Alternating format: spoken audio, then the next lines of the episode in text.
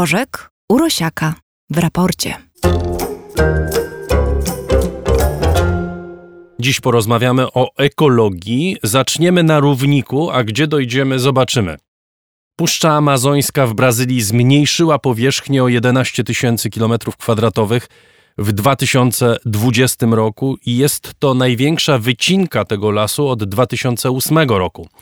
626 milionów drzew, ponad 1,5 miliona pełnowymiarowych boisk piłkarskich. To jest mniej więcej skala tej dewastacji. Dlaczego to jest ważne dla Brazylii, dla Kolumbii i innych państw, na terenie których leży Puszcza Amazońska? O tym porozmawiamy dziś z naszym doktorem Tomaszem Rożkiem, gospodarzem kanału Nauka to Lubię i oczywiście współpracownikiem raportu o stanie świata. Witam Cię. Dzień dobry, cześć Darku. Czym jest dla Ziemi Puszcza Amazońska? Na pewno nie jest czymś, co bardzo często się pojawia, takie hasło, że to są płuca, e, że to są płuca Ziemi, że to jest um, źródło tlenu dla naszej atmosfery. Nie e, jest. To jest, to jest nieprawda. Nie. Ojej, no widzisz, tak no, dużym... rozwaliłeś całą koncepcję, którą miałem do tej pory, ale to w takim razie powiedz, czym jest? Ale już mówię, na pewno jest ogromnym magazynem węgla. Węgla zamkniętego w postaci E, no, drewna, które tam po prostu jest i nie tylko drewna, ale w ogóle całej powiedzmy biomasy. E, wycinanie albo wypalanie tego, e, albo wycinanie i spalanie tego drewna to jest no, uwolnienie tego węgla do atmosfery. Natomiast tym tlenem to jest pewne nieporozumienie, bo jeżeli potrak chcielibyśmy potraktować puszczę jako fabrykę chemiczną, która, czy w ogóle jakikolwiek las, jako fabrykę chemiczną, która produkuje tlen, to niestety, jak dokładnie policzymy, to się okazuje, że ten bilans wychodzi na zero. Jedynym lasem, który produkuje więcej tlenu niż sam zużywa, jest młody las. Czyli jeżeli chcielibyśmy mm, paradoksalnie może, jeżeli chcielibyśmy, żeby jakiś las na jakimś obszarze leśnym tlen był produkowany, to powinniśmy ten las wyciąć w pień, i zasadzić młode drzewa. Czego raczej nie powinniśmy robić czego nie powinniśmy robić. A to, co wycinamy, to absolutnie nie spalać, ani nie kompostować, tylko przerobić na deski albo na, albo na meble. Czyli zatrzymać ten węgiel i go nie uwalniać do atmosfery jakimś sposobem, no na przykład, tak jak mówię, tworząc drewniane jakieś przedmioty. Tym niemniej, y, Tomku, y, wyjaśnijmy też, bo z jednej strony mówisz, jakby rozbijamy ten mit, że to jest y, składowisko tlenu świata, czy fabryka tlenu dla planety, no z pewnością jest to fabryka pochłaniania dwutlenku węgla, prawda? Ten bilans tlenu i bilans dwutlenku węgla w przypadku, czy w ogóle węgla, w przypadku takiego starego lasu, on wychodzi na zero. E, oczywiście, że e, drewno, czy drzewo, czy roślina pochłania dwutlenek węgla, ale kiedy indziej pochłania tlen wtedy, kiedy światło nie świeci. Nie mówiąc już o tym, że przecież no, na dole, na ziemi na gruncie dochodzi do wielu procesów gnilnych, w których e, to, co przed chwilką było zielone i na przykład, nie wiem, się połamało albo spadło, albo po prostu e, padło, jeżeli mówimy o zwierzętach, e, no to ten dwutlenek węgla czy węgiel, a czasami metan jest do atmosfery z powrotem uwalniany. Więc w ten sposób nie możemy patrzeć na, na taki stary las jak na fabrykę chemiczną, która coś produkuje. Natomiast możemy i musimy na to spojrzeć jak na coś, co stabilizuje. I nie tylko ilość węgla, bo tak jak mówię, ścięcie puszczy i spalenie albo wypalanie to jest ogromna emisja węgla czy uwolnienia węgla do, yy, do przyrody, ale także stabilizuje temperaturę i stabilizuje wilgotność. To jest niezwykle ważne. Już pomijam fakt, który nie może być pomijalny, że to jest miejsce ogromnej bioróżnorodności, ogromnego bogactwa także genetycznego, ewolucyjnego, ale przede wszystkim miejsca, gdzie wiele gatunków działa z sobą, czy współistnieje z sobą, tak jak y, zębatki w najlepszym szwajcarskim zegarku. Jeżeli teraz wyjmiemy którąś z tych zębatek, to nawet jeżeli wszystkie inne tam pozostaną, zegarek przestanie chodzić. Czyli tak naprawdę ten mechanizm, który się tworzył miliony lat, przestaje działać. No właśnie, Tomku, już myślałem, że nie powiemy o tym, ale po prostu puszcza jest piękna. W puszczy żyją miliony gatunków zwierząt i roślin. bez których Ziemia byłaby jakimś nieporozumieniem. Ale wiesz, to nie chodzi nawet tylko i wyłącznie, choć to też jest ogromnie ważne, ale to nie chodzi tylko i wyłącznie o sam fakt istnienia tych organizmów. E, mówię, że to jest ogromnie ważne, bo niedawno e, robiąc e, wywiad z, z, lekarzem, czy w zasadzie rozmawiając ze znajomym lekarzem, uświadomiliśmy sobie, że w zasadzie nie ma ani jednego antybiotyku, który byłby stworzony w laboratorium od zera. To są wszystko substancje chemiczne, które przyroda wytworzyła, czy które jedne bakterie tworzą przeciwko drugim. Innymi słowy, jeżeli teraz z tej puszczy gdzieś daleko hen hen, która może jest ładna, w której może i są ładne zwierzęta, przejdziemy do naszego życia codziennego, to nagle zdajemy sobie sprawę z tego, że ogołacając ziemię z bioróżnorodności, z roślin, ze zwierząt, tracimy ogromnego sojusznika. Pomijam już kwestie takie czysto psychologiczne, kto z nas chciałby mieszkać na pustyni, ale nawet takie czysto praktyczne, to my czerpiemy od tych organizmów, a nie one od nas. My im jesteśmy zbędni, ale bez nich my nic nie znaczymy i bardzo marnie skończymy. Więc nawet na tym takim poziomie meta, może nawet nieco filozoficznym albo dla niektórych teologicznym, to jest niezmiernie ważne, żeby bioróżnorodność zachować, no i w zasadzie tu można by postawić kropkę. Y, nie, nie stawiajmy jej, bo poruszasz bardzo ważną rzecz. Ja myślę, że warto się przy tym zatrzymać, bo my czasami mówimy, patrzymy na te zmiany klimatyczne i opowiadamy o tym, jakie y, one zagrożenie stanowią dla Ziemi, jak niszczymy planetę i tak dalej, i tak dalej. To jest do pewnego stopnia nieporozumienie, bo planeta sobie poradzi. To znaczy, planeta sobie radziła wielokrotnie w znacznie trudniejszych y, okolicznościach, tylko po prostu człowiek nie przetrwa. To znaczy, my, my znacznie bardziej potrzebujemy tej Puszczy Amazońskiej niż ona nas. Coś w tym jest. Mówiąc, człowiek nie przetrwa, mm, tutaj bym dał taką gwiazdkę i bym dopowiedział, że niektórzy ludzie nie przetrwają. My przetrwamy, dlatego że żyjemy w świecie bogatym. Natomiast wielu ludzi w Azji, także w Afryce, w Ameryce Środkowej, w Ameryce Południowej nie przetrwa. Mówiąc o przetrwaniu, y, zobacz, y, nagle okazuje się, że budujemy świat, w którym chcemy wszyscy być bogaci, szczęśliwi. Wczoraj czytałem badania odnośnie jednego z radzenia sobie z rodzajem ślepoty i tam w tych badaniach pojawił się taki, taki ustęp, w którym autorzy napisali, że w zasadzie w pewnym sensie udało nam się odwrócić procesy starzenia i od razu oczywiście e, gdzieś na czołówkach pojawiło się, że za, za chwilkę niemalże będziemy mieli eliksir młodości, więc my tacy chcemy być, po czym nagle się okazuje, że może w przyszłości wartością być nie to, czy będziemy bogaci, młodzi i piękni cały czas, tylko czy przetrwamy, czy w ogóle przetrwamy. Więc tak, my przetrwamy. E, my, mam na myśli większość z nas w krajach Zachodu, e, w tej części świata, w której jest Europa, bo mamy technologię, mamy pieniądze, może być biedniej, może być trudniej, natomiast przetrwamy ale wielu ludzi tego może nie przetrwać.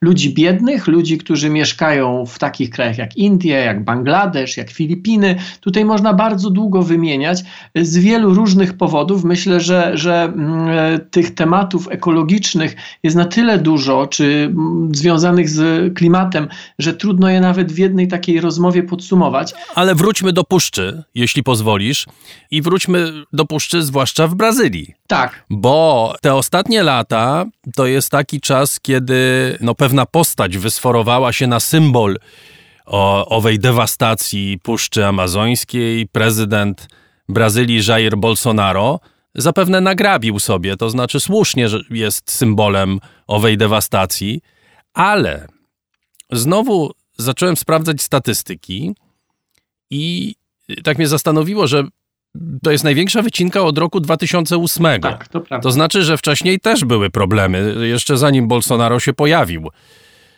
w 2004 roku to było 27 tysięcy kilometrów kwadratowych wyciętego lasu amazońskiego. E, prawie trzy razy tyle, e, co w tym roku. I powód jest, jak rozumiem, zawsze ten sam. To znaczy, ziemia z puszczy ma być wykorzystana pod uprawy, a drewno ma zostać sprzedane pod uprawy, nie tylko pod uprawy głównie soi, ale także pod wypas bydła, bo to są y, te kierunki y, czy, czy te sektory, gałęzie, które dostarczają brazylijskiej gospodarce bardzo dużo pieniędzy. Mm, paradoksem tej całej sytuacji jest to, że częściowo wycina się puszczę po to, żeby e, zrobić miejsce dla upraw roślin energetycznych, które to rośliny energetyczne no, dla świata zachodniego, dla cywilizacji zachodniej e, no, są takim symbolem e, przeciwdziałania zmianom klimatu. Bo my tankując diesla czy benzynę się cieszymy bardzo, że mamy tam, że tam są komponenty bio, że przez to nasze paliwo jest bardziej ekologiczne, ale nie zastanawiamy się, gdzie te komponenty bio wyrosły. Otóż okazuje się, i to jest paradoks, to jest jakaś, jak jakiś kosmiczny paradoks, że ze względu na dopłaty na przykład w Stanach Zjednoczonych albo w, e, w Europie, w Unii Europejskiej, opłaca się wyciąć kawałek Puszczy Amazońskiej i tam zasadzić e, na przykład e, rośliny, z których będzie bioetanol, później statkami, czy już gotową, e, gotowe to paliwo, e, czy też jakąś taką, e, nie wiem, taką pulpę, taką mieszaninę poszatkowanych tych roślin, przewieźć statkami na ciężki jakiś mazut przez cały świat do Europy, po to, żeby tutaj e, przykleić sobie e, zielony listek ekologicznego działania i po to, żeby tu świetnie się czuć. I rzeczywiście, jak się popatrzy na, na statystyki albo jak się popatrzy na wykresy, to nagle się okazuje, że Unia Europejska no, w tych rankingach obszarów zielonych e, rośnie i super, i my się cieszymy, ale nie zastanawiamy się czasami, skąd ten wzrost pochodzi, bo przecież obszarów rolniczych w Unii Europejskiej jest stosunkowo niewiele. Tomku, y, dotykasz bardzo istotnej kwestii, mianowicie hipokryzji. Hipokryzji polityków, o tym w tym programie już rozmawialiśmy, y, hipokryzji organizacji również zajmujących się ekologią. Na to przychodzi Jair Bolsonaro i wysuwa jeden argument, który nie zmienia się tak samo jak powód wycinki lasów tropikalnych. Bolsonaro mówi: To jest nasz las, to jest nasz teren. My nie mamy zamiaru brać lekcji od ludzi, którzy wyrżnęli najpierw lasy u siebie, a teraz nas pouczają. Wielka Brytania była jeszcze 250 lat temu lasem. 70-80% terenów Wielkiej Brytanii to był zielony las. Zaczęła się rewolucja przemysłowa i las się skończył. A w tej chwili Brytyjczycy, czy nie wiem, Skandynawowie pouczają innych, co mają robić, zwłaszcza biedniejszych od siebie i ludzi, którzy nie skorzystali na tej pierwszej wielkiej rewolucji przemysłowej. Dotykasz tego, co na czym się kończy zwykle niepowodzeniem niemalże każdy kongres klimatyczny na tej planecie.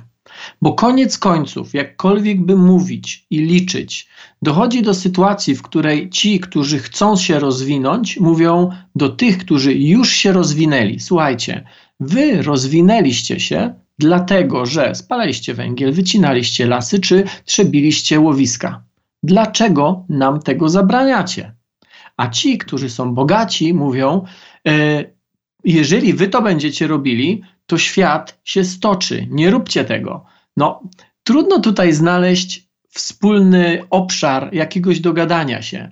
I jestem daleki od bronienia wycinki lasów deszczowych, bo to nie jest problem tylko i wyłącznie samej Brazylii, ale także innych krajów. Natomiast yy, rozumiem sytuację, w której yy, prezydent, premier, ktokolwiek inny traktuje las jak bogactwo narodowe, tak jak dla nas bogactwem narodowym przez wiele lat e, był chociażby węgiel, tak jak dla Brytyjczyków też był węgiel, czy dla chociażby Niemców.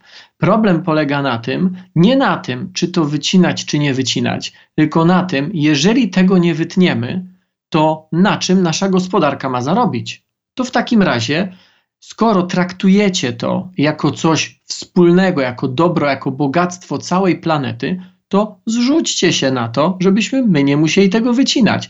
Nie jestem przekonany, czy dokładnie w tych słowach Bolsonaro kiedykolwiek to sformułował, ale bardzo często takie postawienie sprawy pojawia się na kongresach klimatycznych, e, tam gdzie ci, którzy się rozwijają, są regularnie e, powiedzmy batorzeni przez tych, którzy już się rozwinęli, a rozwinęli się dlatego, że robili coś, co teraz, czego teraz zabraniają innym. No tak, jednym z moich ulubionych państw jest Norwegia, kraj, który zbudował swoje bogactwo na ropie i y, handlu drewnem.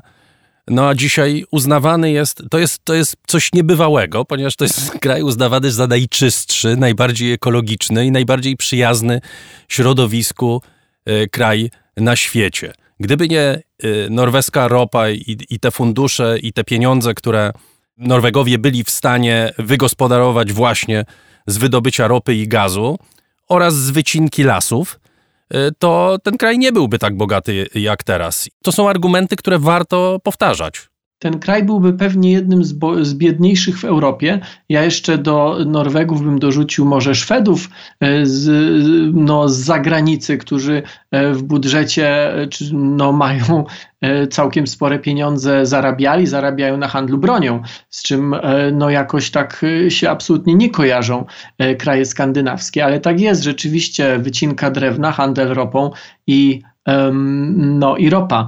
Nie jestem przekonany, czy w Norwegii są w ogóle jeszcze, czy zostały jeszcze tak zwane naturalne lasy, czyli takie, jakim jest chociażby Puszcza Białowieska.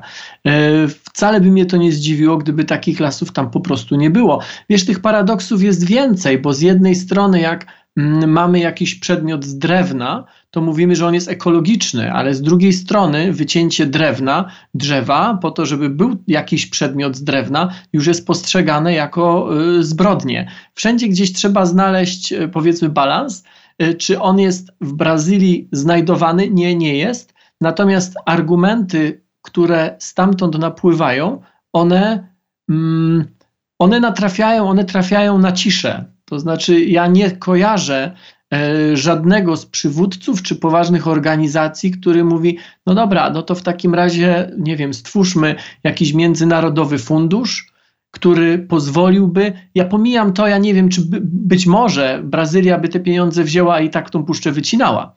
Ja tylko mówię tak ogólnie, że rzeczywiście to zderzenie tych, którzy pewne rzeczy robili i się rozwinęli, z tymi, którzy teraz chcą robić dokładnie to samo, jest bardzo wyraźne i pojawia się na wielu różnych poziomach. Tomasz Rożek był gościem raportu o stanie świata. Dodam, że Tomek otworzył właśnie kanał naukowy dla dzieci. Nauka to lubię junior.